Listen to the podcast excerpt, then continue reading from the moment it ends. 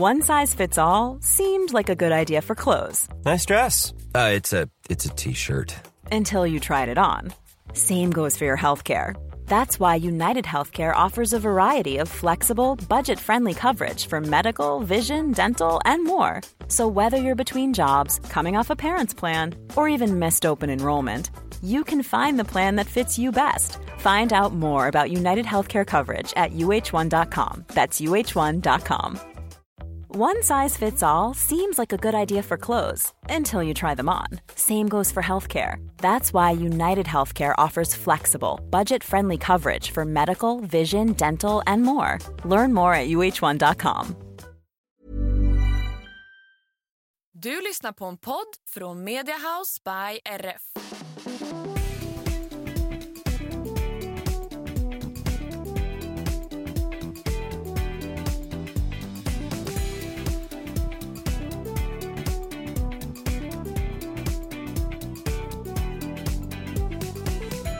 Hej allihopa och välkomna till systrarna Älvstrands hästpodd avsnitt 188. Tjenare, namnet här är Anna. Och mitt namn är Emma och det här är podden om oss, våra fyra hästar och ridsporten i stort och smått. Yes, hur är läget med dig denna härliga måndag som det är när vi spelar in? Det är bra, jag har faktiskt sovit gott i natt för första gången på länge. Gud vad skönt. Väldigt skönt, har haft en trevlig helg, är taggad på en ny vecka även om det som gör mig lite mindre taggad är att jag ser att det ska bli kaosväder nu i veckan. Det ska regna som fasen. Ja, nu har vi haft eh, regnfritt ett bra tag. Ja, vi har varit så bortskämda med, eh, ja, med lite sensommarvärme nu. Exakt. Så eh, nu blir det en liten käftsmäll här och så kommer regnet. Men eh, vi ska nog klara av dagarna ändå tror jag. Ja men det tror jag. Hur är läget med dig Ansi? Jo, men, jag, jag har känt mig lite skum ett par dagar med lite, så här, lite snurrig och ont i huvudet och sådär.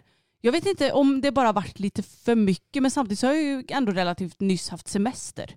Jo fast Så- du har ju inte haft en enda ledig dag på typ tre veckor. Alltså du jobbade ju ideellt båda dagarna för förra veckan. Ja. Och förra veckan, ja då jobbade du också alla dagar för då jobbade du ju på söndagen också. Så du har ju jobbat typ varje dag i tre veckor. Ja, jo det är ju sant.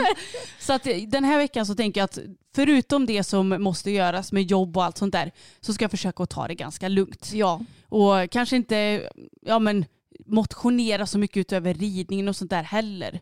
Nej, Utan- så, så att kroppen och knoppen får återhämta sig lite. Ja, jag tror det behövs faktiskt. Det är någonting som är lite vajsing med mig. Men alltså i övrigt så mår jag ju bra. Jag känner mig glad och kanske inte lika pigg som vanligt men ändå, jag är ändå positiv. Ja, men härligt. Och idag är det ju måndag och vi är redo för en ny vecka. Så jag är taggad i alla fall. Mm.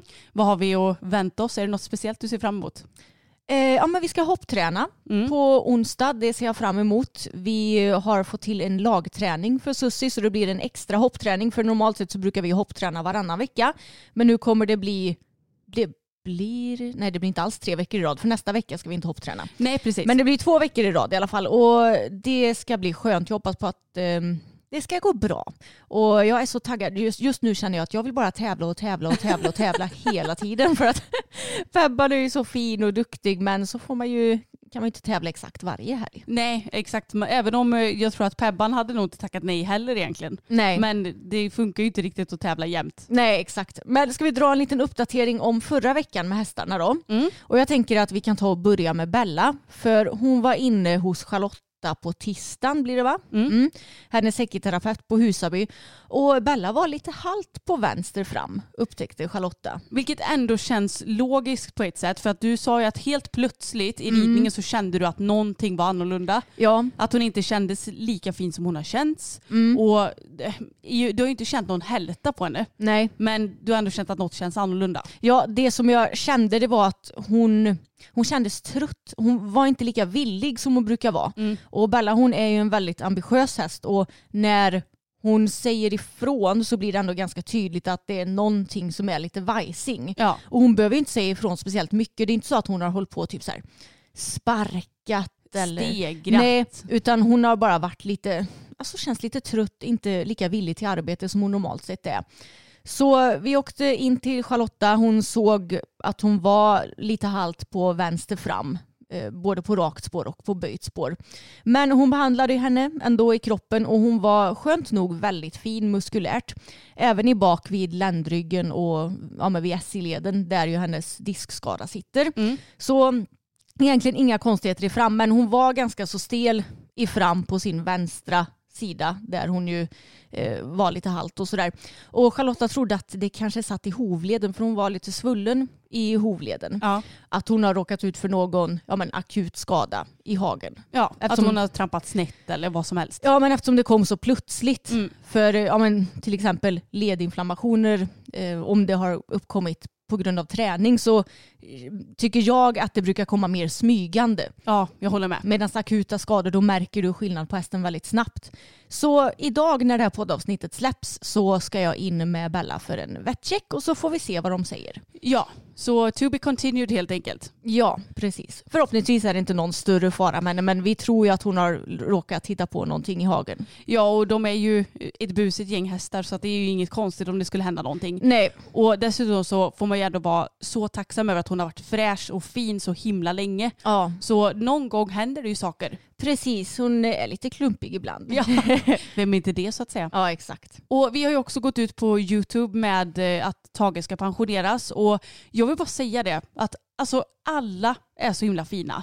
Skriver att de kommer att sakna Tage ja, men i samma utsträckning som tidigare och det, det känns också så fint att vi har fått ett så härligt stöd. Och det, det, det är ju ingenting som jag tar för givet. Men samtidigt så känner jag att varenda gång vi typ går ut med något som ändå känns lite jobbigt så är det sådär att vi, vi blir överösta med kärlek och jag blir lika tacksam varenda gång. Mm. Och det är också en del som skriver det att ni har så fin hästhållning och eh, ni känner era hästar rätt och det är nog helt rätt beslut för Tage att han får bara vara pensionär och ha det gött. Ja men det tror jag med. Så det, det känns väldigt skönt ändå att det har tagits emot på ett bra sätt. Ja och han har varit så glad det senaste också. Ja, ja och du sa ju det att vi skulle ta in honom för att greja lite för ett par dagar sedan och då, han känns mycket mer positiv och inte alls så att han släpar benen efter sig för Nej. sån har han ju i och för sig alltid varit. Men han känns mycket mer positiv på livet nu. Ja men jag. verkligen så det känns eh, som om det var helt rätt beslut för honom. Mm. Men de två som har varit i träning då förra veckan det har ju känts ganska konstigt att vi bara haft en häst var att rida per dag. Ja, verkligen. Ja. Semester typ. Ja men verkligen som semester. Och om vi tar och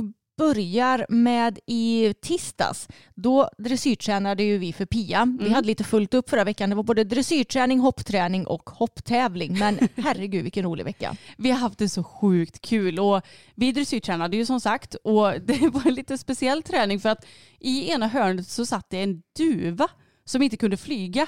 Jag tror det var en duvunge för att den hade tydligen inte satt alla fjädrar än och då kan de inte flyga uppenbarligen. Så att då fick vi hålla lite avstånd från den och rätt vad det var så kom den och sprang ut från hörnet och typ pep. Och fokus bara vad i hela friden är det där? Han tyckte den var läskigare än Pebban. Ja, Pebban hon brydde sig inte någonting. Men hon, hon bryr sig knappt om någonting för det mesta. Nej, lite så. Och du och Pebban var ju först ut för Pia. Ja, det var vi och det blev lite kaotiskt där i början för då tänkte vi att vi ska ju träda på att låta dem ja, men stå lite själva i transporten och så sa jag att ja, men jag kan väl vara först med Pebban då. Så får vi se hur det går med fokus för ofta så brukar ju fokus vara sist ut, eller först ut menar jag, så att han slipper stå och vänta. Men så tänker vi att han kanske behöver träda lite på det där. Det gick ju inte superbra. Nej, inte direkt. Alltså, han försöker ju, den här hästen är ju lite för smidig för sitt eget bästa nästan. Ja. Han, även fast vi har en stolpe precis bredvid där de sitter fast, eh, ja men i transporten i fram liksom, så kan han ju vända huvudet bakåt mellan den där och titta bakåt. och sen så när han har gjort det, då tar han fram huvudet och så trycker han ner mulen i höseglet. Och sen så går han och backar bakåt och typ trycker sig mot bakbommen och så går han framåt och trycker sig mot frambommen. Så håller han på hela tiden. Och jag får ju superstress av det där, vilket ju såklart inte är bra heller.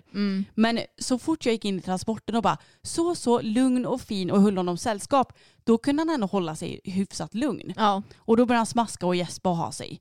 Men eh, Pebban blev ju inte så himla glad heller av att vara själv i ridhuset eller? Nej, grejen var att när jag gick in i ridhuset så var det redan två andra hästar där och då var det inga problem. Sen så blev ju hon lämnad helt själv av dem och då blev hon väldigt stressad. Och hon gör ju inte så himla mycket egentligen. Men visst blir hon ännu, ännu piggare? Hon blir så jäkla pigg. Alltså herregud vad hon blir pigg när hon blir stressad. Det är ju lite hennes, eh, hennes vad säger man, copingmekanism Ja. tror jag. Att bli väldigt het och springa snabbare. Och sen så också, man hör väldigt mycket hästar utifrån ridhuset när man är inne i ridhuset. Så då kan hon så här, stanna, höja huvudet och så ska hon lyssna på allting. Mm. Men hon gör ju aldrig någonting extremt. Nej, kastar sig eller stegar sig. Nej, Eller... exakt så. Jag känner ju alltid att jag har kontroll på henne men det är inte så roligt att hon blir så stressad såklart. Så då, eh, då bestämde vi oss för att det var nog bäst för oss båda om du och Fokus kunde komma in i ridhuset istället. Ja, och då blir det ju genast mycket lugnare. Ja, Så, så, vi kommer ju fortsätta att göra så i framtiden. det är lika bra känner jag. Ja men alltså det är inte rätt att träna på det när vi väl ska träna för då vill vi ju nyttja vår träningstid. Ja, men lite så. Men eh, när vi väl kom igång och började träna då, det gick så himla bra. Alltså hon var så jävla fin Hon Emma. är så fin och jag tycker det är så kul för Pia är så förtjust i Pebban också. Mm. Hon säger hela tiden att hon är så vacker och härlig och jag blir så glad för jag håller ju verkligen med. Mm. Och jag tror att det finns fasen en hel del kapacitet i dressyren för den där tjejen också när vi får koll på allting. Det tror verkligen jag också för att eh, det som ni tränar mycket på nu det är att få henne till att verkligen använda sina bakben. Ja. Komma över med mer vikt på bakbenen så att hon dels kommer ifrån handen lite för hon blir ju lätt stark och Ja. på. Så att hon verkligen kommer in under sig med bakbenen och jobbar på rätt sätt. Och för att träna det inför en galoppfattning, för ni vill ju gärna fatta galopp från skritt. Mm. För att det är ju mest stärkande och också, jag tycker det är enklare att hålla hästen i balans i Ja, den övergången. verkligen. Och då för att göra det så försöker ni att verkligen kvicka till skritten ordentligt. Mm. Och då en gång när ni gjorde det så blev det ju nästan lite piaff på Ja. henne. Och då blev jag så här, men gud det där kommer hon nog inte ha så svårt för när hon väl fattar grejen. Det tror inte jag heller. Det som är fördelen med henne det är att hon är ju så pigg. Och Mm. jag tänker att har hästen en naturlig bjudning så blir det ju lättare med till exempel piaff. Men också det som är grejen med hästar som är byggda lite i nedförsbacke som hon är. Hon har ju väldigt långa bakben Ja, och har ju kanske lite lågt ansatt hals skulle jag säga. och så har de väldigt långa öron så det kanske också bidrar. Nej jag skojar bara. Nej, men hon är ju lite byggd i nedförsbacke och jag upplever att de hästarna som är det, de är kanske ofta lite piggare än hästar som är byggda lite mer i uppförsbacke och att de blir starkare i handen. Mm. Och det är inte så konstigt för när, om de lägger sig mer på frambenen så får man ju också mer tyngd i handen. Så vi försöker ju verkligen nu att få den där vikten på bakbenen, vilket i sin tur gör att hon lättar i handen. Mm. Och det ger verkligen resultat. Nu har jag bara tränat förbi Pia, vad är det, tre gånger med henne kanske? Ja det är nog inte mer än så. Nej, och jag märker resultat för varje gång. Alltså hon är så himla fin och rolig. Ja och det man kan säga att ni gör för att få henne att lägga mer vikt på bakbenen det är ju att kvicka upp de där bakbenen. Egentligen, eller hur? Ja, men exakt. Egentligen inte så mycket mer. Och att, också att jag ska få koll på exakt vart hon sätter både bakdelen och framdelen. Så vi jobbar ju mycket med öppna, sluta på olika vis. Både på volt men även på rakt spår.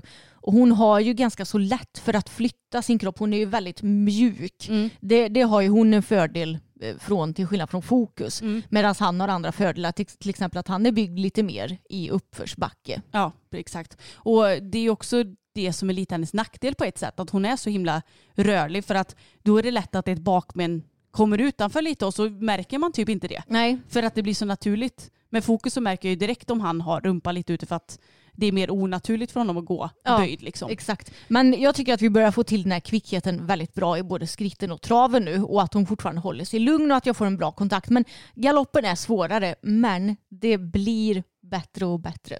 Verkligen. Det såg jättebra ut och dessutom så, ja, spoiler alert, nej jag skojar. Men det har ju verkligen hållit i sig under veckan också. Ja, exakt. När du hoppat med, att man märker att det börjar bli skillnad. Ja, och framförallt det här blev ju lite hopp till tävlingen som vi red i lördags. Men jag kände verkligen att det dressyrarbetet vi gjorde i tisdags, att det var med mig på tävlingen. För det här är nog första gången jag ridit henne på en framridning som jag har känt att jag har fått igenom dressyren bra. Ja, att hon inte runnit iväg. Nej, och... att hon inte runnit iväg, att jag fick liksom en lätt kontakt i handen och att det inte var så mycket att jag behövde kämpa så mycket eller rida henne så himla länge för att få henne lugn utan hon var lite mer där från början. Ja, och då hade hon ju ändå fokus med sig och borde Ja. ju vara lite mer uppe i stressen om hon hade åkt själv till exempel. Exakt. Så väldigt nöjd med henne. Men hur kändes det med fokus i tisdags då? Ja, men jag vet inte om jag sa det i podden förra veckan, men han har ju känts lite sisådär den senaste tiden. Och det är inte så konstigt, men jag blir ju lika överraskad varenda år att i september så börjar de väl ändå det här med att sätta vinterpäls. Ja. Eller åtminstone kunde förbereda sig för det. Och vartenda år så tänker jag bara, men vad är det som händer?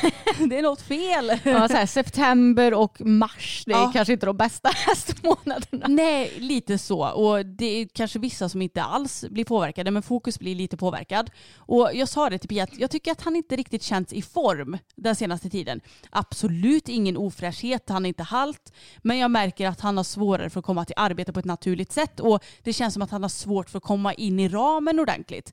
Han är lite seg, ja men liksom vi har fallit isär lite.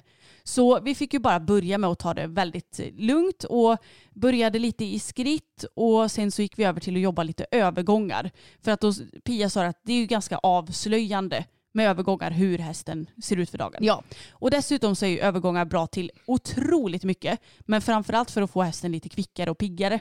Så det fick vi jobba mycket med och det tog väl kanske fem, absolut max tio minuter av den här 45 minuters träningen så kändes han skitfin. ja.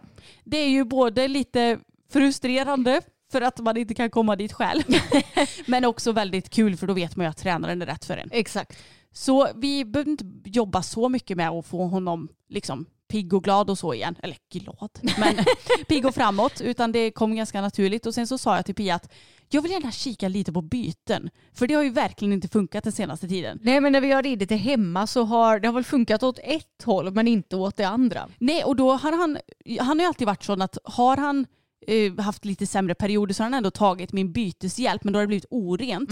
Men den senaste tiden så har jag liksom lagt om skänken och så har det inte hänt ett skit och jag bara hallå Märker du ens att din matte sitter här uppe eller? Han bara la la la la la har varit lite utom sin bubbla tror jag. Så det jobbade vi lite med.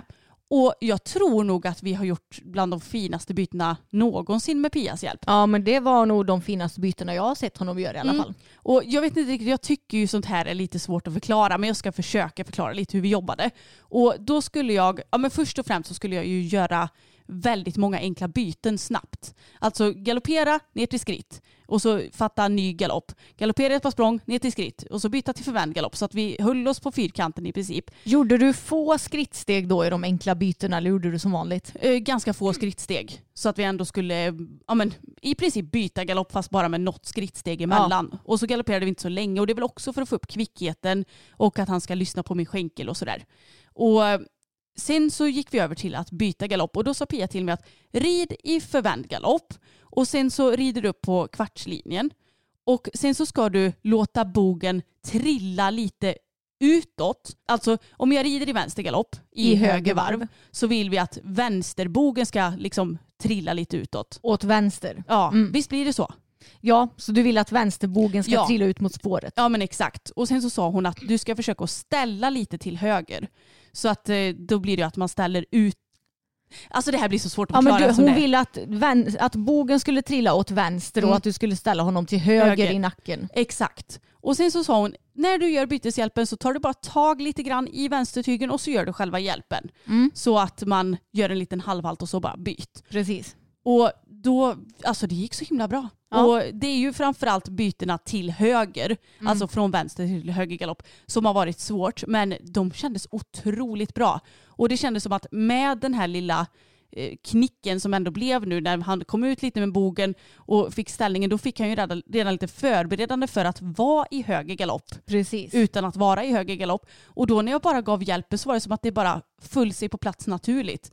Och nej, det var så häftigt att känna och jag tror att med det här arbetet så kommer det nog att gå mycket lättare när vi väl bara gör det på raka spår också utan Mm. att hålla på och ställa och eh, få bogen att falla åt något håll och sådär. Ja men precis när du gör vanliga byten på typ diagonalen. Exakt. Mm. Så det var jättenyttig träning och det är också så kul när man får lite verktyg så här. Väldigt konkreta verktyg hur man ska jobba. Ja men exakt. Och det här kommer vi ha nytta av både till ja, men Pebban och framtida hästar tänker jag. Exakt. Och sen på onsdagen då var det dags för hoppträning för Sussi. Och jag får säga att det här kanske inte var den bästa hoppträningen för mig och Pebban. Och film ligger ute på YouTube. Men grejen var att vi jobbade med så himla korta avstånd. Bland annat så hade vi ju en ja, tre-kombination med väldigt låga hinder och så var det sex meter emellan. Och sen så hade vi en långsida där det var 25,5 meter vill jag minnas, räcket till också. Och då skulle vi rida på sju språng. Och det, för Pebban hade det varit mycket mer naturligt att rida på sex språng där till exempel. Ja, för sju språng är väl 28 28 och en halv meter. Ja, men kanske lite drygt 28 meter på tävling på en meternivå skulle jag säga. Mm. Eh, Så det blev väldigt trångt. Hon är ju inte lika kvick i sina ben som Fokus, mm, om vi refererar tillbaka till dressyren som vi jobbar med. Så jag upplever att hon blir liksom lite, det känns lite klumpigt när man ska hoppa med så här korta avstånd för det blir inte naturligt för henne. Jag får svårt att hålla min balans och om inte jag känner mig balanserad så tappar jag mitt självförtroende. Sen så när jag har sett på filmen så ser det ju inte så klumpigt ut. Men det var ju verkligen känslan jag fick att jag kände mig, ja, men jag kände mig dålig och bara vad fan, det här går liksom inte. Nej men samtidigt så är det ju verkligen det här ni två behöver jobba på för hon behöver ju kvicka upp hela sin kropp egentligen. Ja, Och för att hon ska, vi har ju pratat kanske lite om det att hon är väldigt dålig på att komma nära hinder ja, överlag. Och därför så är det ju så nyttigt för henne att träna på trånga avstånd för att då tvingas hon komma lite nära hindret och hon måste lägga mer vikt på bakbenen för att verkligen orka upp ordentligt. mm. Jag tror att det är det som är grejen, att hon, hon hoppar väldigt väl med ryggen men hon behöver liksom få till rumptekniken lite bättre. om du förstår hur jag menar. ja men precis. Men ja, alltså när jag såg på filmen kände jag ändå att det var en nyttig träning men jag fick inte så himla bra känsla. Nej, och så blir det oftast när man jobbar med något som är jobbigt. Exakt. Att man inte får så bra känsla. Men Fokus var ju en riktig superstar den här träningen. Mm. Och han är ju till skillnad från Pebban extremt kvick. Alltså jag tror jag hade kunnat få in typ två språng i en studs. Om jag så hade velat. Alltså det känns nästan så i alla fall. För att han är så himla kvick och, och ja, men, lyssnar ju alltid väldigt bra på mig när jag tar mina halvhalter och sådär och ber honom att vänta. Så det var aldrig några problem. Det som är hans bekymmer är ju snarare att ja, men i början när vi värmde upp så skulle vi rida mellan två bommar som Susie hade lagt som en tunnel. Och så skulle vi flytta ut lite för skänken och sen så skulle vi vända upp på medellinjen typ där vi hade bom, litet block bom som en studs inom citationstecken. Och då blir han genast lite så här, då har han värmt upp lite och så är han inte beredd på att hoppa. Och så kommer jag och styr upp på den här bommen och då stannar han på den och bara what? Det är ju lite hans eh, kanske svaghet då istället. Mm. Att han måste vara med på vad det är vi sysslar med annars Ja. kan han inte göra det. Så de har ju helt klart sina styrkor och svagheter. Men jag var så nöjd, jag kände mig trygg, jag tyckte att det var väldigt kul, Fokus kändes glad och nej men jag var verkligen sjukt nöjd med den här träningen. Ja men ni var så duktiga. Och mm, ja, jag tycker du ska vara väldigt nöjd. Och kommer du fortsätta att hoppträna med honom nu? Ja men jag tänker det. Det känns som att det ger mig kanske lite mer, även om jag tycker att Bella är världens härligaste, så är det ju ändå fokus som jag kanske vill satsa lite mer på Ja nu. men exakt. Och det är skönt att du har kommit till den insikten också tycker ju jag. Ja, För jag tycker ju att eh, man ska inte slösa bort en så bra hopphäst. nej. Nej men så är det ju. Så att jag kommer nog fortsätta att hoppa honom, speciellt nu när Bella kanske måste vila, eller det vet vi ju inte än. Men Nej precis. Ja men det låter bra. Och sen fick de två uteridsdagar innan det var dags för hopptävling i lördags. Och då tänkte vi hur tusen ska det gå att ta med sig Fokus och Pebban på samma tävling? För det hade vi inte testat någon gång innan. Nej, och Bella och Peppan har ju ändå funkat bra för Bella är ju, alltså hon är ju så cool. Ja. Hon bryr sig inte om så mycket. Hon gnäggar lite i transporten men det är, det är ju det hon gör. Ja, och då har vi också börjat med Pebban så att Bella har fått vara den som väntar. Och sen när Pebban har kommit tillbaka då har ju hon ändå fått springa av sig sin energi och är antagligen lite trött. Så då har det ändå gått bra för henne att vara själv i transporten. Men nu så skulle ju fokus börja. Du och han skulle hoppa 80 centimeter och då blev det alltså första gången som Pebban var tvungen att vänta i transporten. Mm. Och hon var inte så himla nöjd till en början. Det traskades lite grann och hon höll på och stod inte helt still. Men hon lugnade sig faktiskt relativt snabbt får jag säga. Det gjorde hon verkligen för hon stod ju och skrapa och höll på lite ett tag men sen så lugnade hon sig och det är ju också så vi tävlade i Alingsås och vi red fram i deras paddock och parkeringen är ju precis bredvid paddocken också så då kunde de ju hålla på och svara varandra när de gnäggade Ja. hela tiden också. Så det är klart att det triggade väl säkert lite också. Samtidigt som det är positivt för då hann ju ni hålla koll på henne samtidigt som ni var med mig och fokus. Precis. Men Fokus han var ju lite smått okoncentrerad på framridningen. Travade väldigt stort och fint och sådär. Och det är så han blir också när han är lite stressad. Att han blir gärna lite piggare och använder mer rörelse Ja. än vad han brukar. Men jag tyckte ändå att han lyssnade ju ändå på mig. Det var inte så att han var helt borta ur Nej. sitt huvud. Och sen så när vi kom in på framrid, eller framhoppningen menar jag, så kom vi lite längre bort från Pebban för ridhuset ligger precis intill paddocken. Eh, och då kändes det som att han genast blev lite mer fokuserad. Och han tyckte det var lite läskigt att hoppa räcket på framhoppningen. Mm. Jag vet inte riktigt varför, men han hoppade extremt mycket åt höger. Ja. Så jag var nästan rädd för att slå i foten i, stigby- äh, i stigbyggen. I hinderstödet menar jag. Ja, men jag får säga att du hopptävlade ju senast för tre år sedan. Mm. Och då kommer jag ihåg att ni hade mycket mer bekymmer på framhoppningen, att han var mycket mer spänd där. Han stannade ju någon gång minns jag också. Ja, och hoppade väldigt stort på första lilla Ja, räcket vi hoppade. Exakt. Men han var, jag tycker att han har utvecklats så mycket för han var mycket lugnare nu, så mycket mer bekväm ut och det kändes väldigt naturligt. Så bara där märker man ju att vilken skillnad det har blivit på honom under dessa år. Jo, det är också kul för jag menar, vi har ju som sagt inte varit ute och tränat på de här momenten Nej. ens. Men jag var så här, det får bära eller brista. Jag, jag är ju inte så mycket för pay and jumps. Nej, För jag tycker att det ofta är mycket rörigare än vanliga ja tävlingar. precis. Så därför så trivs jag bättre på att faktiskt tävla riktiga tävlingar. Men vi hoppade fram och jag kunde skritta mycket mellan varven vilket var skönt för då kunde vi båda varva ner lite. Så tog jag ett par sista språng och sen så var det dags att gå in på banan. Och jag passade på att försöka titta lite på alla hinder medan den innan mig höll på och red. Så att vi ändå hade kikat lite grann. Inte för att han på något vis är en tittig häst men jag tänkte att det är första tävlingen på tre år. Det är lika bra att kika lite. Och vi började fint. På hinder nummer ett hoppade han jättebra. Två och tre gick också bra. Och sen så skulle vi vända upp på hinder nummer fyra. Och det stod ju typ lite i en klunga av hinder och där stod också tre stycken funktionärer typ precis bredvid hinder nummer fyra. Så jag kände det när vi hade landat och så galopperade vi igenom svängen så kände jag att han var lite motig när jag skulle vända upp på det här fjärde hindret. Ja men det blev lite som typiskt fokus att det såg ut från där jag stod i alla fall som att han gled ut med bogen i svängen Ja. och tappade bjudningen så som han kan göra ibland. Ja, och jag försökte analysera det här lite grann. Inte för att det är på något vis, eh, jag ser inte stoppet som en big deal, men jag vill ju såklart att han ska vara så bekväm som möjligt och då vill jag också veta vad det var som gick snett liksom. Och jag tror helt enkelt att han tyckte att det var lite jobbigt när funktionärerna stod bredvid hindret för att han kommer ju från Holland, jag har pratat om det här många gånger, han var ju utbränd hopphäst när jag köpte honom. Och antagligen så associerar han med människor bredvid hinder som något dåligt. Ja. För att de har antagligen barrerat honom. Eller Exakt. varit taskiga på något vis i alla fall. Så jag tror att han blev lite så här, Åh, det står människor där, jag vågar inte springa fram till det här hindret. Nej. Så jag försökte ändå driva fram honom för att han kan ju hoppa typ till stillastående. Mm. Men sen kände jag att nej, det är ingen idé. Mm. Så vi tittade lite och så tog vi en ny ansats och då hoppade han hindret. Det, var, det gick inte jättesnabbt andra gången men han kom över i alla fall. Precis, och jag tror att det, det, det var ändå ganska så självklart då att det var något som han var osäker kring.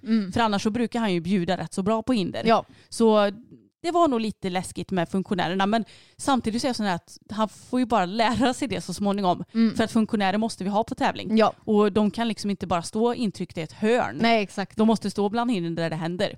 Och resten av banan kändes väl ändå okej. Jag tyckte att jag blev lite mer avvaktande efter det här. Ja men det tycker jag också. Mm, och att jag la in något extra språng lite här och var inför hindren och sådär. Men samtidigt så känner jag att vi är inte liksom inne i den här hopptävlingssvängen tillsammans. Nej och det är bara 80 centimeter så det Ja. spelar liksom ingen roll. Nej. Så det är verkligen strunt samma. Vi kom runt banan, vi fick bara ett litet stopp och framförallt så tyckte jag att det var väldigt, väldigt kul att vara ute på tävling ihop igen med honom. Ja, men det märktes att du tyckte det. Mm. Och ja, väldigt roligt. Har du fått blodad tand nu då Anna? Ja, det är klart jag har. Mm, härligt. Så ja. vi, får, vi får lägga upp en liten tävlingsplan framöver tänker jag. Ja men jag tänker det med. Alingsås ska ju ha en till tävling i början av oktober. Då kanske vi kan Ja, åka dit. i november tror jag. Ja, och då har Ja. de ju, du kanske vill hoppa klass då? Ja, jag tänker det. Mm. För det var ändå ganska skönt att börja med en bedömning A. För att då behöver jag inte tänka så mycket. Nej. Så eh, det var ändå skön start på ja, men den här hoppkarriären förhoppningsvis. Ja, så himla roligt. Och sen efter att du och Fokus hade ridit så var det då min och Pebbans tur. Och jag kunde lasta ur henne ja, men typ med en gång efter att du och Fokus hade ridit. Och jag hoppade ju då 90 centimeter. Jag hade tänkt hoppa en meter men sen så skedde ju den lilla olyckan så att då blev det 90 centimeter istället. Och jag får säga att på framridningen, som jag nämnde förut, hon var väldigt fin. Hon var lite dragig och i början och ville till fokus och till transporten. Men hon gjorde liksom ingen big deal av det. Jag tycker att jag fick igenom ridningen så bra. Hon var väldigt fin i traven. Även i galoppen kände jag att oj vad hon verkligen är avspänd och går i en bra form. För jag upplever inte att jag har fått henne att gå i speciellt bra form tidigare på framridningar. Nej hon har varit lite öppen. Hon har varit öppen, blivit lite stark. Men eh, så känner jag också att det är liksom ingenting som jag kan lösa på exakt den här tävlingen bara utan det är någonting som man får jobba med långsiktigt. Och nu känner jag att vi är verkligen på rätt väg, vi är på god väg. Sen på framhoppningen så kände jag att oj nu blir hon väldigt pigg. hon hoppade fint men hon blev väldigt pigg och det är ju lite så här, det är ju standard för henne så det är inga konstigheter. Men det kändes bra på framhoppningen ändå tycker jag. Inne på banan så får jag säga att grundomgången det är nog den bästa grundomgången vi någonsin har ridit. Alltså det var så fint. Ja, det enda som inte var bra det var att hon kom för nära på första hindret och att liksom, hon tog inte min halvhalt till det så att det blev lite konstigt språng där. Men efter det så fick vi så fint flyt, verkligen så här bra lägen till alla hinder. Hon var med mig så fint i svängarna, hon väntade så bra på mig, hon kände så himla lugn och det kändes faktiskt som om vi var ett. Ja, ni var verkligen ett bra team den här gången. Ja, vi fick de galoppsprången på distanserna som jag hade tänkt och jag red som jag hade planerat så jag var väldigt, väldigt nöjd med grundomgången. Sen var det då dags för omhoppningen och jag hade ju lagt upp en plan hur jag skulle rida den innan jag red. Och sen så visste jag lite också, för även om jag är fokuserad på henne när jag rider fram och hoppar fram så hör man ju så här avbryt och det blev fyra fel i omhoppningen och bla bla bla. Så jag förstod ju lite att om jag bara är dubbelnolla så kommer jag antagligen att vara placerad. Mm. Och du sa ju också det innan vi skulle gå in på banan att ah, men ta det bara lugnt och rid så som du vill och då förstod jag också att ah, okej, okay, nu, vet, nu vet Anna om också att om jag bara är dubbelnolla Ja. så blir jag placerad. Så du sa det ju inte direkt men du sa det lite indirekt så jag fattade det. Ja, men jag kände lite att du behöver ju inte rida som en vilding. Nej, som blådåre. Nej, utan då är det ju bättre att ni får en bra känsla och att du ja, men får till omhoppningen lika bra som grundomgången. För att hon är ju inte lika lätt att svänga som Bella till exempel. Mm. Nej. Så ja, då, då behöver man inte träna på det den här gången kanske. Nej, och hon blir ju också väldigt stark om jag rider för fort. Så jag, Ja. än så länge är jag inte riktigt där än att jag kan rida för fort i omhoppningar. Men att jag ändå försöker så här lite successivt bli snabbare. Men jag tog de svängarna som jag hade tänkt i omhoppningen. Det var två lite snävare svängar ändå Mm. skulle jag säga. Och nu känner jag att hon börjar verkligen lyssna mycket bättre på mig när jag ska svänga. Den där bogen är bättre på plats, jag får lättare att svänga när hon är inte lika tjafsig och dragig i munnen. Så återigen, dressyren börjar verkligen ge resultat. Sen så var vi ju inte snabba, men vi var felfria. Och vi blev placerade. Ja, så kul. Ni blev sjätteplacerade av sju va? Ja, precis. Så väldigt, väldigt roligt. Jag var så himla nöjd med omhoppningen också, förutom till sista hindret. Där klantade jag mig och la henne alldeles för nära. Jag skulle bara, det var en väldigt lång anridning till sista hindret. Mm. Jag skulle bara hållit galoppen lite, men sen så blev jag så här, fan hon, hon blev lite stark och då blir jag, ja. Ja, ibland klantar man sig helt enkelt. Så är det. Men hon klarade det och jag var väldigt nöjd med den här rundan så det var väldigt roligt. Så hon fick springa ärevarv också. Då blev hon väldigt pigg. Jag trodde inte hon skulle bli det, men det blev hon. Är det hennes första ärevarv? Nej, hon fick ju springa ärevarv i Vara också. Ja, just det. Men då var hon väldigt lugn så jag, jag tänkte att det kommer hon att vara nu med. Men jag vet inte, det var väl kanske lite högre musik och lite mer klapp och sådär. Så hon blev lite stressad. Så det är ju någonting som vi förhoppningsvis kan träna på mer igen. Jag kan, eh, jag kan bjuda in ett gäng kompisar och så kan vi ha lite musik hemma i paddocken och woohoo! Ja, så får du exakt. träna på det hemma. Mm. Nej, så jag var väldigt nöjd och när vi var klara så åkte pappa hem med hästarna Mm. så att vi kunde stanna kvar och heja på vårt division 2-lag i hoppning som jag är lagledare åt nu i höst. Och det gick ju väldigt bra, de gick och vann. Ja men det var så kul och det roliga var också att Ekip höll på att krångla den här dagen. Ja, Så kanske inte så mycket med själva vanliga resultaten men det krånglade med att lägga in lagresultat av någon anledning. Mm. Och det var tydligen så över hela Sverige så det var liksom inget Jaha, bara för Alingsås. Nej. Så då fick jag sitta som på den gamla goa tiden och bara okej Grevagården, en felfri ryttare, en med fyra fel Mm. och så satt jag och så här, ja bokförde tänkte jag säga, Ja, men exakt. förde protokoll. Mm. Och sen så insåg jag att ah, okej, men det blir omhoppning mellan tre, Tre lag. lag. För det var tre stycken lag som slutade på fyra fel. Det var Vara och så två till då. Mm. Och sen så i omhoppningen så var det väldigt spännande. För ja, men felen började ju rulla in lite grann. Ja men det var många fel Mm. i omhoppningen. Så helt plötsligt så såg jag det att ah, men gött, vi kommer ju absolut sämst tvåa nu. Mm. Såg jag, för det var ett lag som fick ganska mycket fel. Men sen så helt plötsligt så rev det laget som ledde. Och då helt plötsligt så blev det ju en vinst till oss. Ja. Så då sprang jag ut till tjejerna som hade ridit och bara ni vann! De bara är det sant? så de blev nog lika glada som vi tror jag. ja, så himla roligt. Och nästa omgång är ja, om en och en halv vecka nu ungefär. Och då ska jag och Pebban vara med i laget är tanken. Så kul. Då ska vi rida en meter igen. Då hoppas vi att balansen på mig är bättre. Ja det kommer den garanterat. Ja, nej, men det, det ser jag verkligen fram emot. Det känns väldigt lågt med 90 centimeter som vi har hoppat nu får jag säga. Mm. Det tycker nog hon också. Ja hon bara, kan vi inte hoppa in och 20 med? Ja exakt, ja, då hade jag garanterat flygit av kan jag ju säga.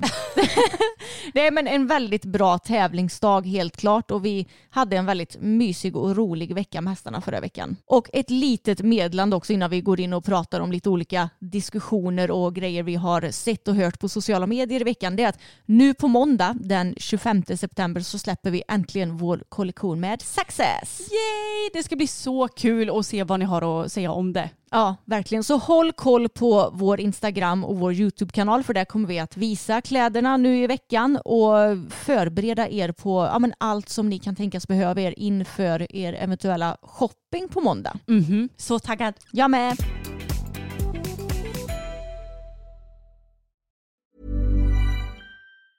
Life is full of awesome what ifs, and some not so much, like unexpected medical costs. That's why United Healthcare provides Health Protector Guard fixed indemnity insurance plans to supplement your primary plan and help manage out of pocket costs. Learn more at uh1.com. Ever catch yourself eating the same flavorless dinner three days in a row?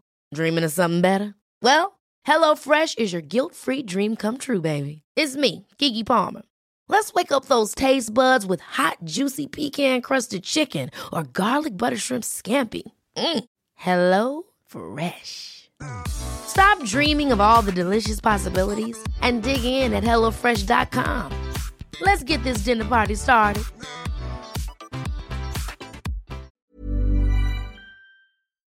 Vi har ju hästar av lite olika svanskvalitet kan man säga. Ja. Vi har ju Fokus och Bella som har ändå rejäla svansar. Och sen har vi Pebban och Tage som är lite fjösigare Ja. i svanseluringen. Och något som har varit förbjudet det är ju det här med svansförlängningar i, ja, men på tävling. Men nu är det tillåtet. Har det bara blivit tillåtet helt plötsligt eller vad? Ja, det står här ändring TR2 moment 211.5.1. Extensions slash svansförlängningar är tillåtna. Jaha. Extension får inte innehålla några metalldelar förutom krokar och uljetter eller extra vikt. Stickprovskontroller kommer att genomföras. Avsteg mot denna regel kommer att medföra uteslutning. Mhm. Så nu helt plötsligt så har då Svenska Ridsportförbundet bestämt sig för att jo men det här med svansförlängning är väl en bra grej. Ja.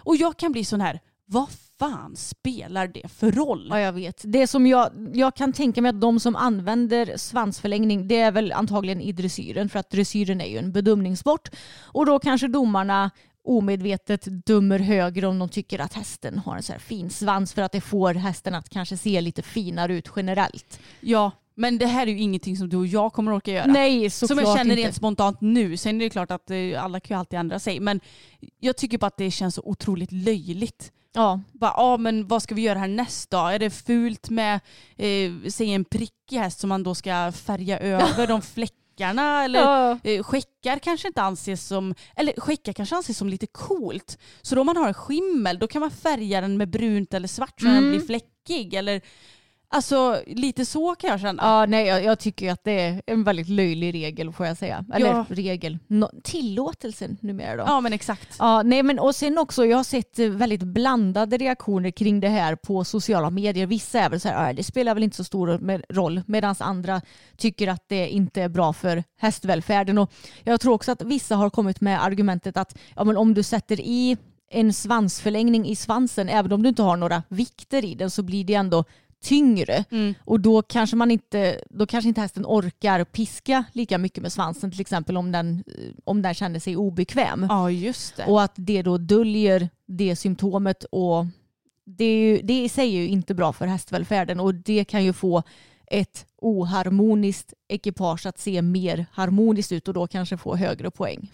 Det har du faktiskt rätt i. Jag har inte reflekterat över det på det Nej. sättet. Men jag tänker bara, jag själv hade ju inte velat ha helt plötsligt en massa hår i, eller alltså jag vet ju att många människor har extensions.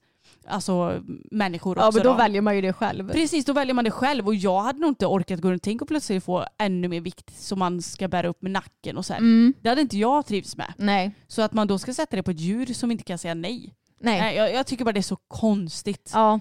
Vad fan, hästarna föds ju med en viss hårkvalitet precis Mm. som vi människor och då ska de väl få ha det eller? ja, jag håller med. Jag tycker det är lite löjligt faktiskt.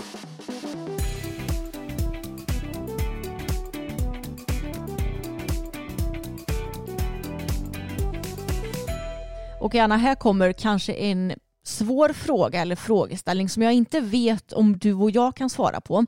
Men någonting som jag tycker är intressant och som vi fick kommentar på efter att vi diskuterade EM förra veckan. Mm. Varför är vissa länder, Tyskland, Storbritannien och Danmark, så dominanta i dressyren?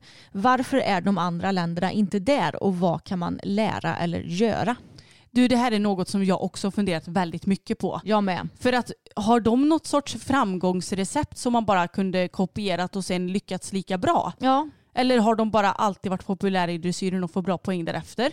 ja det, det är frågan. Det känns ju som att Tyskland har ju alltid mer eller mindre varit där. Mm.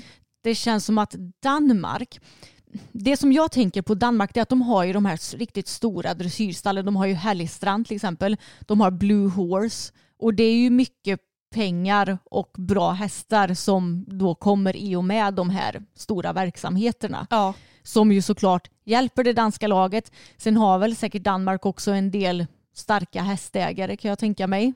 Ja, och jag tänker också, i och för sig, nu, nu kan ju vem som helst gå och köpa en dansk eller tysk eller holländsk häst liksom.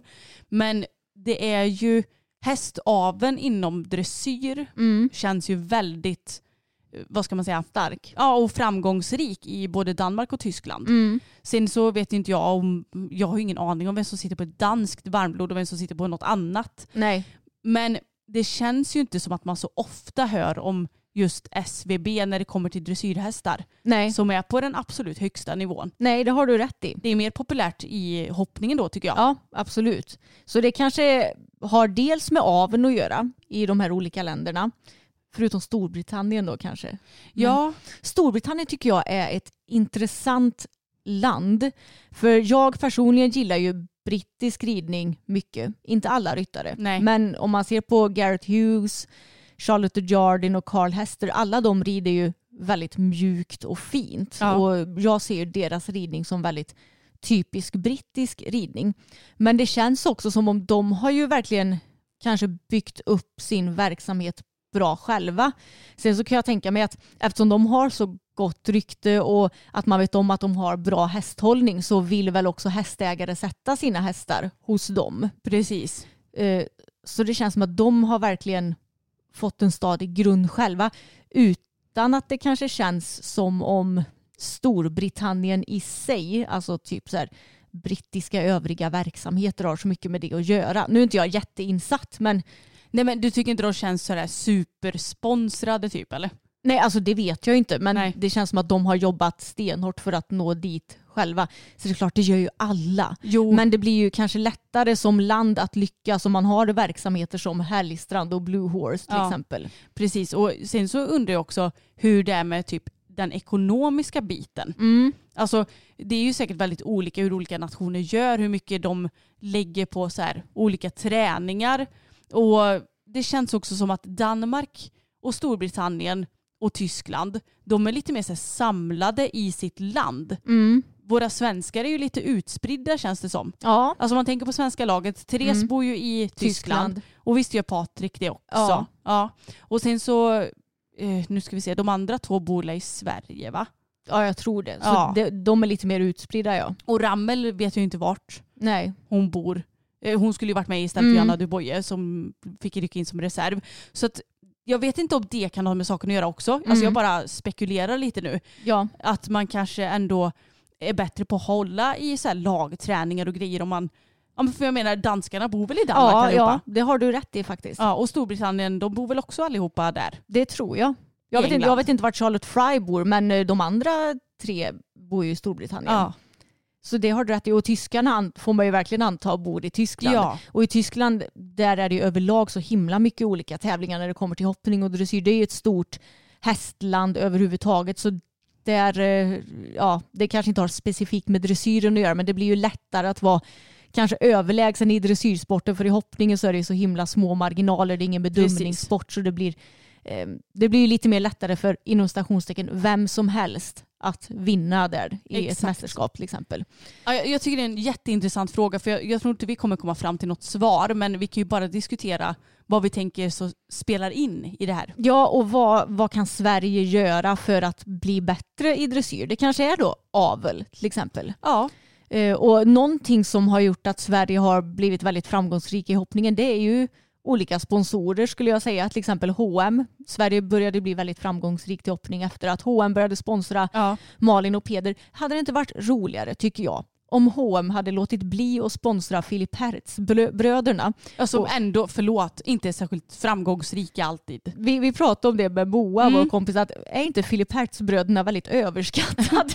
jo, för det känns som att i, i något, alltså i mästerskap framförallt, så är ja. det ju typ aldrig att de levererar. Nej, Precis. Och då hade ju H&M kunnat sponsra två dressyrryttare istället kanske. Precis. Mm. Och sen så vill jag ju bara flika in också att jag vet ju att ja, men Dante Veltino han är ju en Oldenburgare. Mm. Så han är ju inte någon SVB. Alltså det är inte så att svenskarna sitter på SVB-hästar allihopa. Nej.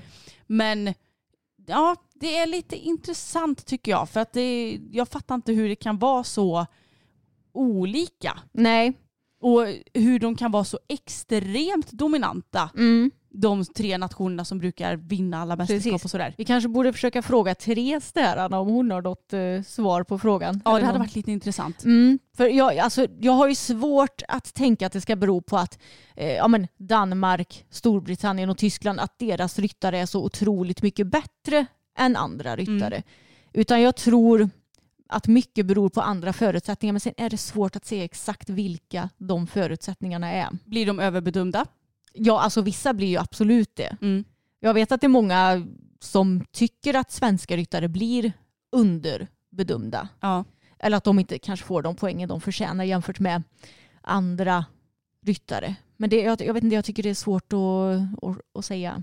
Det är jättesvårt att säga, men det hade varit intressant om vi eh, kan få Therese att svara på den här frågan så återkommer vi såklart om det. Men jag tycker det är intressant. Och har ni någon eh, tanke om den här diskussionen mm. så kan ni gärna hänga in, hänga in, hitta er in på vår Facebook-sida ja, och diskutera precis, det. För jag vet ju inte hur det brittiska och danska och tyska ridsportförbundet jobbar heller med sina ryttare. Jag har ingen aning om hur det svenska jobbar.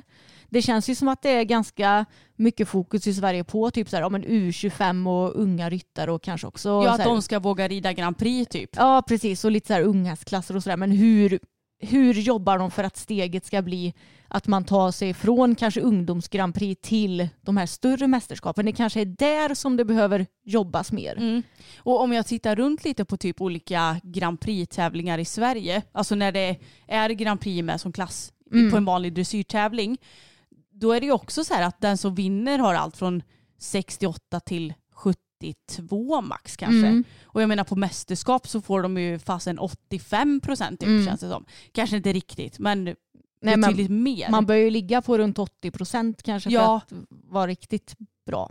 Ja och då blir jag så här, vad, vad, vad är det som inte riktigt håller? Mm. Det är ju mm. skitbra att få, alltså jag hade ju ja, fasen ja. gråtit om jag hade fått 72 procent i Grand Prix. Så det är, jag menar inte att de är dåliga Nej. på något sätt men det är ju något som inte är lika bra som i vissa andra länder. Exakt. Mm när vi ändå är inne och snackar lite om dressyr så hittade jag kanske en av de konstigaste krönikerna jag har läst på länge på tidningen Ridsport som jag tänkte läsa upp så vi kan diskutera. Och den heter Vad kräver publiken egentligen? Ekipaget gör entré på banan. I ett antal bås sitter ett urval av världens skickligaste och mest erfarna domare och på läktarna sitter vi, publiken, med appen Spectator Judging i händerna. För sjunde året i rad besöker jag Falsterbo Horse Show för att avnjuta det bästa dressyr-Sverige har att erbjuda.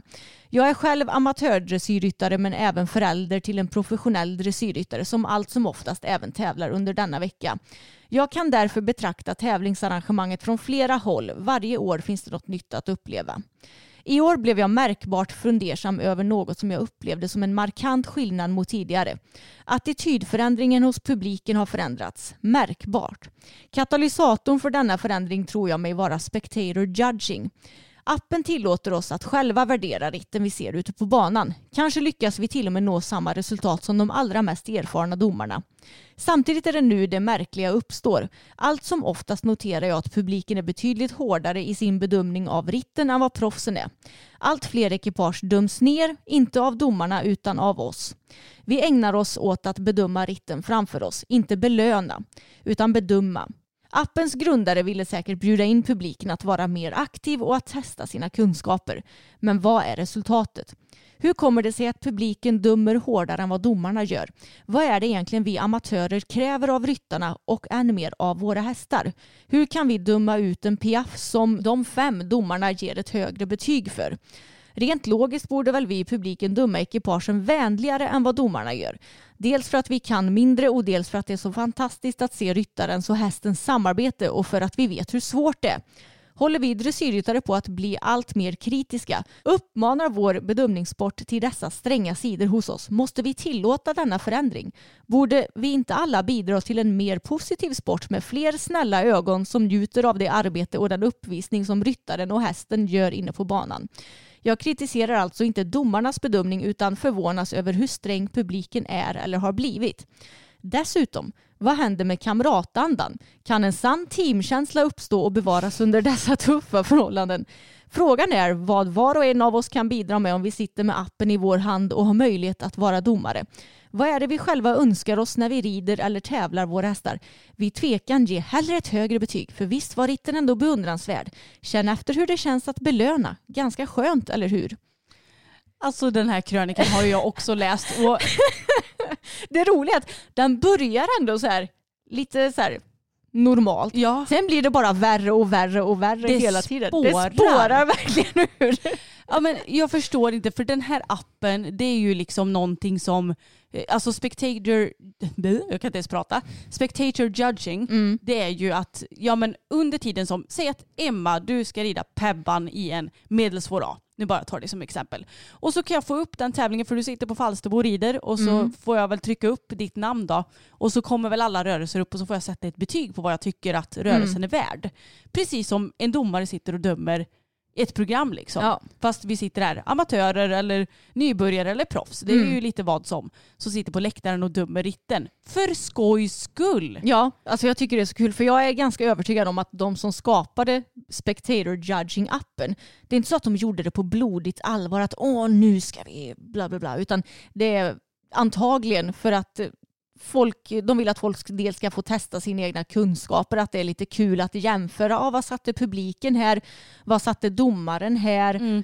och ja, men att det ska bli mer att dressyr kanske ska bli en mer inbjudande sport till omvärlden. Exakt för att jag, jag har aldrig provat appen själv men jag känner att jag måste ju verkligen göra det för att kunna sätta mig in i det ännu mer. Ja. Men jag tycker det är så intressant för att jag menar det är ju ingen som säger att alla i publiken sitter och kan varenda rörelse heller utan man kanske inte vet exakt hur en sluta ska se ut.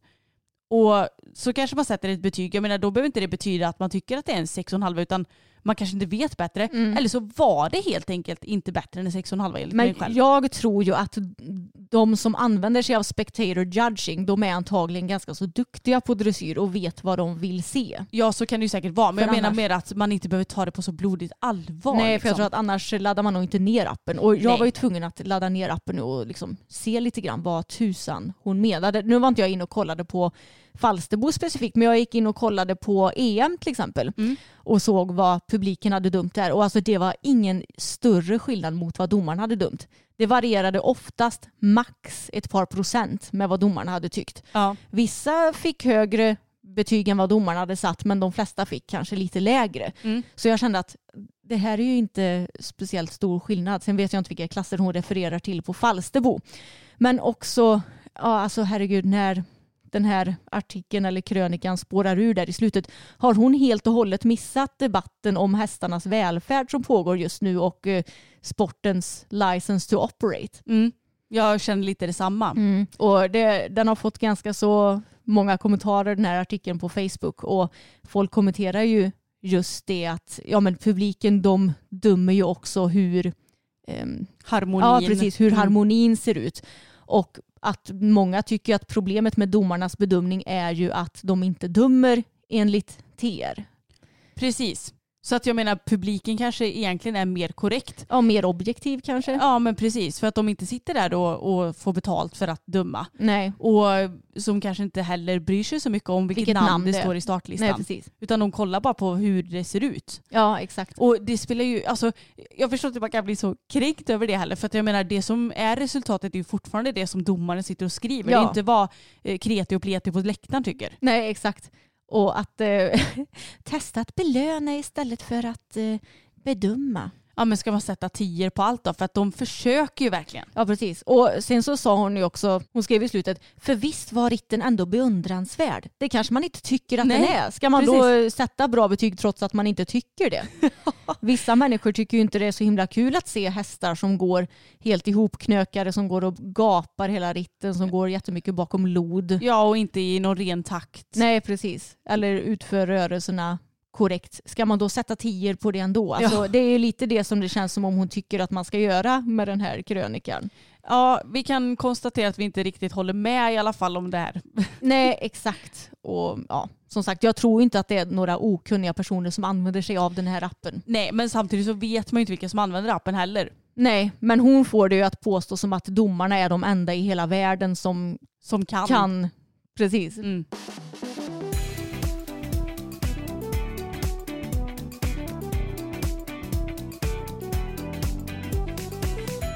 Jag tänkte att vi ska ta och avsluta det här poddavsnittet med ett väldigt roligt inlägg i gruppen Dressyrsnacket.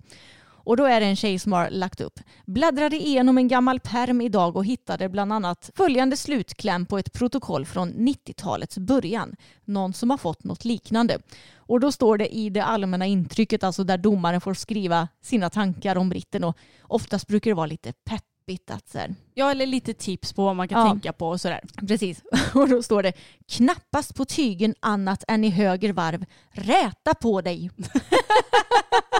Jag tyckte det var så kul bara. Och vad konstruktivt och vad peppad man blir att tävla dressyr igen. Verkligen. Ja, jag kan inte minnas att jag någonsin har fått ett så här bittert eh, allmänt intryck får jag säga. Ofta brukar domarna vara lite mer pedagogiska. Ja, jag vet att något protokoll som jag fick med, jag tror det var Rasmus, en B-ponny, Mm. eh, då stod det Ö.T. Punkt, hela protokollet typ. Och så stod det längst ner Ö.T är lika med övertygen, alltså att han inte gick i form. Ja. Då. Så att eh, jag vet inte, det stod väl inte något i allmänna intrycket om det. Jag måste Nej. nästan kolla för jag tror jag har sparat lite gamla protokoll. Ja. Nu för tiden så är jag ju tråkig och slänger mina protokoll. Ja, jag vet, men det är egentligen kul att ha. Men Ja. det är allra roligast kanske de här riktigt gamla. gamla ja. Men det som jag tyckte var så kul var att jag tycker inte att den här eh, tjejen, nu har jag bara sett hennes profilbild, men hon ser inte ut att vara så himla gammal. Och hon Nej. sa att det var från början av 90-talet. Då kände jag, hon måste ju typ ha varit ett barn då, eller max tonåring. Ja, och då är det ännu konstigare ja. att skriva så kanske. Exakt. Och det finns ju såklart fler som har kommenterat vilka kommentarer de har fått. Jag tänkte att jag ska läsa upp några stycken. En har fått elegant häst som säkert kan mycket mer om man får lite hjälp. Ja, det här, det jag läste också den. Jag tyckte den var så konstig. Man bara, men kan du inte skriva typ att väl, väl försökt eller? Ja, jag vet inte. exakt. Det var bara så konstigt. Ja. Japp, jag fick be om hjälp. Äh, Va? va? Be om hjälp? Ja. Då undrar man ju vad som hände under det programmet. Ja, verkligen. Och här har vi ungefär en som det Anna. Korta tyglarna över tygen vid de tre första kommentarerna och sen ja, det här tecknet, Repeat. ja, repeat-tecknet, resten av raderna. det är inte bara du som har fått det. Nej. Ja, och så en annan har kommenterat. Jag var domarsekreterare en gång och domaren tyckte att jag skulle skriva följande. Hade kunnat vara ett trevligt ekipage om hästen fick lite stöd. Äh, Okej. Ja, herregud. Vissa domare kanske borde gå en skärmkurs får man ju. Skärm och pedagogikkurs kanske. En lite mer tragisk kommentar det är sätt på en nosrem så den slutar gapa. Ja men snälla. Mm. Verkligen så här. Dölj symptomet. Mm. Hästen hade i alla fall fina flätor. Gud, det har jag nog fått någon gång tror jag. Nej, har du det? Fint flätat tror Men jag det stod. det är klart så fan att du fick den kommentaren också. Pyssel-Anna. Vill jag minnas i alla fall. Mm. Fast jag tror faktiskt inte det stod så här fint flätat i alla fall utan det stod nog bara fint flätat utropstecken. Ja. ja, en har kommenterat hoppas det löser sig. Okej, då undrar man ju också vad som har Ja, hänt. jag blir väldigt eh, faktiskt intresserad på att Ja. veta det men det, det var bara eh, den kommentaren. kan ju säga som så att det inte är slumpen som gjort att jag aldrig varit speciellt intresserad av att tävla dressyr. Har bland annat fått en slutkommentar om att gå hem och titta i en bok hur man ska göra. Peppande till en typ 13-åring eller vad jag kan ha varit då. Fånigt nog har det suttit i sedan dess och jag hade i många år årest för att rida ridvägar och, få, och rida fel. Ångest för att rida. Ja, Ja. precis. Men herregud! Mm. Vad är det med människor eller? Ja. Det var ju bland det sjukaste jag hört. Ja men verkligen och som sagt om man speciellt om man ska vara domare åt barn och ungdomar så behöver man ju verkligen vara pedagogisk för de är ju där och gör sitt bästa. Och även om man inte kan ge några högra, höga poäng, för det säger jag inte att man behöver göra, Nej. men man kan ju ge en positiv slutkläm att det här kan du träna på men bra kämpat. Alltså, Precis. Det är inte svårare än så. Ja, Men alltså, jag kan tycka att det gäller oavsett vem. För jag menar som vuxen kan man också vara skör av olika anledningar. Att man inte riktigt eh, orkar med vilken kritik som helst. Jag menar, vem som helst hade väl fan blivit ledsen av eh, att få en kommentar. Titta i en bok och se hur man ska göra. Alltså, hade jag fått den kommentaren hade jag kanske inte heller varit så himla glad. Nej. Och en återigen lite tragisk kommentar det är tur att du är positiv trots att du rider en travare. Ja, men skojar du? Och det är också återigen ett bevis på att domare ju är partiska. Att Mm. de tittar ju på vilken ras det är, hur hästen ser ut istället för att eh, ja, kanske då bedöma hur den här travaren utför rörelserna. Men det här det är alltså ett gammalt protokoll eller? Det vet, jag vi inte. inte. För jag tycker ändå att det känns som att eh, ja, men, travhästen har blivit mer positivt inställd till idag Mm. än vad det kanske var förr. Ja, man får ju hoppas på det Ja, jag hoppas verkligen det. Sen är det ju inte alla som är positivt inställda men Mm. ja. Jag Men det är ju väldigt tydligt i alla fall att vissa domare har vissa typer av hästar som de föredrar. Ja, Det har ju vi verkligen varit med om. gud ja. Mellantrav ser obekvämt ut. Ja, no shit är som att försöka sitta på en studsande kulspruta. Jag är glad att ingen har kommenterat det när jag ridit mellantrav på Bella. Oh, gud. Ökad trav har du till och med ridit. Ja, det blev ju. Ja, det, jag tror inte riktigt det blev ökat. Nej, men det var meningen att det skulle vara. Ja, okej, det var ju både kul men också väldigt tragiska kommentarer. Ja, Jag hoppas ju att de här domarna har lärt sig hur de ska skriva med åren i alla fall. ja, verkligen. Jag kan som sagt inte minnas att jag har fått någon sån riktigt ja, elak Taskig, eller ta- taskig eller opeppande kommentar utan jag tycker ändå att för mig så har nog domaren ändå skickat med bra kommentarer. Ja, alltså jag måste nog försöka hitta min gamla pärm med massa protokoll. För då kan vi ju kolla om vi har något kul där Ja men exakt. Men i så fall får vi återkomma med det såklart. Ja det blir tydligen väldigt mycket dressyrsnack det senaste. Men det är för att det känns som att nu är verkligen dressyrbedömningen på tapeten. Det är så Ja. många artiklar som släpps om det. Folk vågar äntligen diskutera det mer. Och det har kanske blivit också nu när det har varit EM och att fler tittar på dressyren så att det blir mer publikt. Ja, och jag tycker bara det är positivt. Alltså för att det ska kunna bli en förändring så måste det ju diskuteras. Så därför hoppas jag ändå att ni lyssnare också tycker det är lite intressant. Precis, och jag tänkte nu läsa upp delar ur en artikel från Hipson som heter Domarna ombeds att göra det omöjliga. Forskning visar att dressyr inte bedöms objektivt. Det behöver man ju för fan inte vara forskare för att få reda på. Men okej.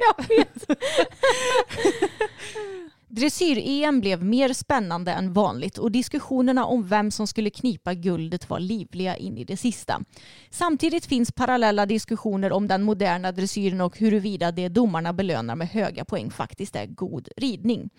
Oavsett vad man anser i de båda frågorna så kan vi enas om att dressyrsporten är komplex och uppdraget att bedöma och poängsätta ritter på den nivån knappt låter sig beskrivas. Och forskaren Inga Wolfram hon säger att forskningen har upprepande visat att domare tenderar att ändra sina poäng när de får reda på vilka poäng andra medlemmar i domarpanelen har satt. Och det här eh, är ju då inte bara inom ridsporten utan i bedömningssporter generellt då. Och Wolfram har gjort en analys med 510 bedömningar ifrån sju Grand Prix-tävlingar som hölls från maj 2022 till april i år. Och där inkluderades bland annat en tävling i Sverige samt världscupfinalen i april. Och hon har undersökt hur faktorer som hemmaplan, att ha samma nationalitet som domaren, startordning och placering på världsrankingen påverkar poängen. Och det korta svaret från analysen är att resultaten bekräftar att på högsta nivå i dressyr är dressyrpoängen helt enkelt inte enbart en objektiv reflektion av ekipagets prestation den dagen. Nästan hälften av variationerna i poäng kan förklaras med andra faktorer. Det där var faktiskt väldigt intressant. Mm. Eh, Och intressant också att hon har kollat över tävlingar och, och verkligen analyserat det här med nationalitet Ja, och sånt där. För det har jag också tänkt mycket på att mm. ja, men det blir nog automatiskt att man blir lite objektiv som svensk domare när det kommer ett svenskt ekipage. ja, och att hon har gjort det över tid Mm. också. Nationalitet spelar stor roll på flera sätt. Domarna tenderar att favorisera ryttare från sitt eget land. Men inte nog med det. Även ryttare som har samma nationalitet som en domarkollega i den aktuella tävlingen får ofta lite plus i kanten. Faktiskt påverkar det nästan dubbelt så mycket. Läggs dessa två effekter ihop gör det att en ryttare som delar nationalitet med någon av domarna som dömer den aktuella tävlingen i genomsnitt får 3,54 procent högre poäng bara därför. What? Mm. Så då innebär det alltså, vi säger att du är tysk och Mm. jag är svensk och så kommer det in en tysk ryttare så Mm. dömer jag den bättre. Ja, och eh, Du också. jag också. Mm. Precis. Hemmamatcher och fördelar av att tävla på hemmaplan har dokumenterats i många andra sporter. Hemmaplan verkar däremot faktiskt ge en liten nackdel i dressyr. Kanske, funderar Wolfram, är domarna medvetna om att det är lätt hänt att ge hemmaekipage en extra skjuts och håller därför istället igen på poängen något. Alltså att de överkompenserar dem. Att ekipagets placering på FEIs ranking påverkar poängen kanske känns helt logisk. Men här kommer annan forskning in som visar hur en persons goda rykte gör att den bedöms mer generöst redan från start. Särskilt om informationen finns lättillgänglig och särskilt om det är i situationer med hög komplexitet och snabba beslut. Så Wolfram säger att ju högre rankad och ju bättre rykte en ryttare har, desto troligare är det att domare omedvetet tar in tidigare prestationer i bedömningen. Senare starter i klassen tenderar också att bedömas högre än de som startar tidigt och även om de högst rankande ju startar sent så förklarar det inte hela skillnaden. Det här vet jag att vi har pratat om tidigare också att det känns även på lägre nivå som att ju längre in i programmet du kommer så ökar poängen lite grann. Ja, och alltså jag förstår det här. Jag, jag vill bara passa på att säga det att att vara dressyrdomare kan fan inte vara lätt. Nej. För att du ska som sagt försöka att vara så objektiv, Objektiv. som möjligt. Och dessutom så ska du försöka att döma jämnt över alla ekipage och att en miss ska vara en miss. Och så. Alltså, jag fattar att det är skitsvårt. Mm. Men det är också så tråkigt när man känner det att det är inte så kul att vara typ bland de första i ett dressyrprogram för att ja men det är klart att ibland kan det gå bra. Mm. Men oftast så kanske de mjuknar lite under programmets gång eller Ja. under startlistans gång. Precis, och som den här forskaren säger att också i, på typ mästerskap till exempel, då är det de bästa som startar senare Ja. i klassen. Så då, då blir det kanske lite mer naturligt att det blir högre poäng där. Men också det som vi pratade om i förra avsnittet, att som sagt jag tycker också att typ Jessica von Bredow att hon får, eller att hon kanske fick mer poäng än vad hon Ja. förtjänade på EM. Att jag tycker det är konstigt att hon lyckades vinna kyren trots att hon hade så himla många missar. Så jag tror att när det kommer till typ henne, Isabelle Wert, många av de där större namnen så tror jag att de räknar in väldigt mycket, kanske vad de brukar få för poäng och vilka resultat de har fått tidigare och deras rykten. Ja. Det är nog he- alltså det är helt omöjligt att vara objektiv i bedömningen och säkert ännu svårare när det är så här stora ryttare. Verkligen. Och det är också det här som jag tycker är så konstigt. Varför kan man inte bara testa någon gång att ta de som är bäst rankade då Mm. först i startlistan? Ja, Och så att man går åt det sämre hållet sen då? ja precis. Jag menar ombyte för nöje brukar man ju säga. Men Precis. inte i dressyren, det ska vara samma. Och Wolf framskriver ju att det här med, precis som du sa, att det är väldigt svårt att vara domare. Men hon skriver också att en väg att gå skulle kunna vara att dela upp domaruppgiften i delar där varje domare ansvarar för någon bit. Det skulle göra den kognitivt omöjliga uppgift som bedömning av en dressyrritt verkar vara lite mer görlig. Exempelvis skulle någon kunna bedöma hästens välfärd och de signaler som indikerar en god eller sämre sån. Någon annan tittar på den atletiska prestationen, en tredje studerar ryttarens effektivitet och en fjärde tar sig an rörelsernas korrekthet. Gud vad intressant det hade varit. Det låter faktiskt väldigt smart tycker jag. Ja. För som sagt, egentligen ska ju alla de här delarna Bakas in. bakas in ja, i varje rörelse som utförs.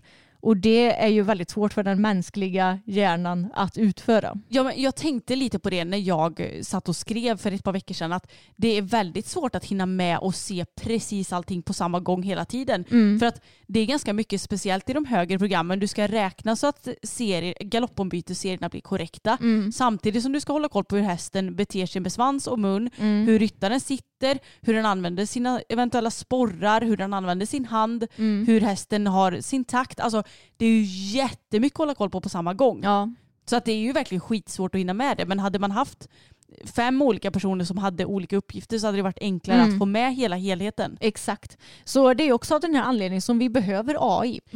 Verkligen, för det hade ju kunnat registrera allt på ett mycket enklare sätt. Ja, AI är ju mycket, mycket, mycket, mycket smartare än vad vi människor är. Mm. Och kan ju ta in alla de här delarna i samtliga punkter. Och så länge man matar in rätt information i AI från början så ser inte jag vad som skulle vara negativt med det hela. Nej, inte jag heller. Sen vet man ju inte förrän man har provat såklart. Nej, men det hade varit väldigt intressant för som sagt det är helt omöjligt att få en objektiv bedömning i dressyr. Och det är också lite därför som jag själv föredrar att tävla hoppning för där är det ju, det är ju bara data som avgör om jag blir placerad eller inte. Ja, Om jag river eller inte, hur snabb jag är, det ingen annan som kan bestämma det utan det är bara jag som kan påverka det. ja, men exakt. Och jag tycker att dressyren i sig är väldigt charmig på ett sätt för att man kan verkligen träna på detaljer och sånt där. Och jag tycker att det är väldigt kul att tävla dressyr.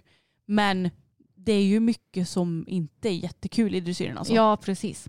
Så vi får se. Det känns som om det kanske kan komma att bli en stor förändring av dressyren de kommande decennierna skulle jag hoppas på. Mm. För så som det ser ut nu så känns det som att det gynnar ju egentligen varken hästarna eller ryttarna. De enda ryttarna det gynnar det är ju de som är i toppen. Ja, och med tanke på det vi pratade om förut, hur det kommer sig att Danmark och Tyskland och Storbritannien är så himla framgångsrika Mm. i dressyr. Ja, men det här med domaraspekten spelar väl också roll? Ja, absolut. Mm. Jag tror säkerligen att oh, nu kommer det en tysk ryttare in. Då har man redan Ja. den där... De eh, brukar ta guld. Då har man redan de rosa glasögonen på sig medan så här, ah, nu kommer en ryttare ifrån, säg Portugal. Ja. men det är inget dressyrland så det behöver vi inte bedöma så högt. Ja. Alltså det blir ju så omedvetet även om domarna säkert inte tänker så men ja, som Ja, sagt det vi är, vi är mänskliga. Ja.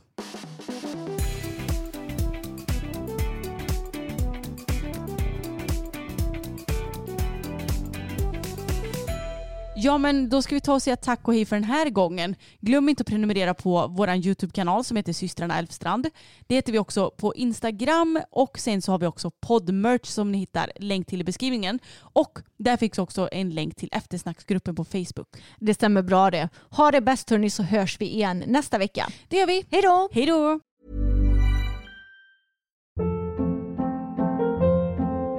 Hold up. What was that? Boring. No flavor. That was as bad as those leftovers you ate all week. Kiki Palmer here, and it's time to say hello to something fresh and guilt-free. Hello Fresh. Jazz up dinner with pecan-crusted chicken or garlic butter shrimp scampi. Now that's music to my mouth. Hello Fresh. Let's get this dinner party started. Discover all the delicious possibilities at hellofresh.com. Planning for your next trip? Elevate your travel style with Quince. Quince has all the jet setting essentials you'll want for your next getaway, like European linen, premium luggage options, buttery soft Italian leather bags, and so much more. And is all priced at 50 to 80% less than similar brands. Plus, Quince only works with factories that use safe and ethical manufacturing practices. Pack your bags with high-quality essentials you'll be wearing for vacations to come with Quince. Go to quince.com slash pack for free shipping and 365-day returns.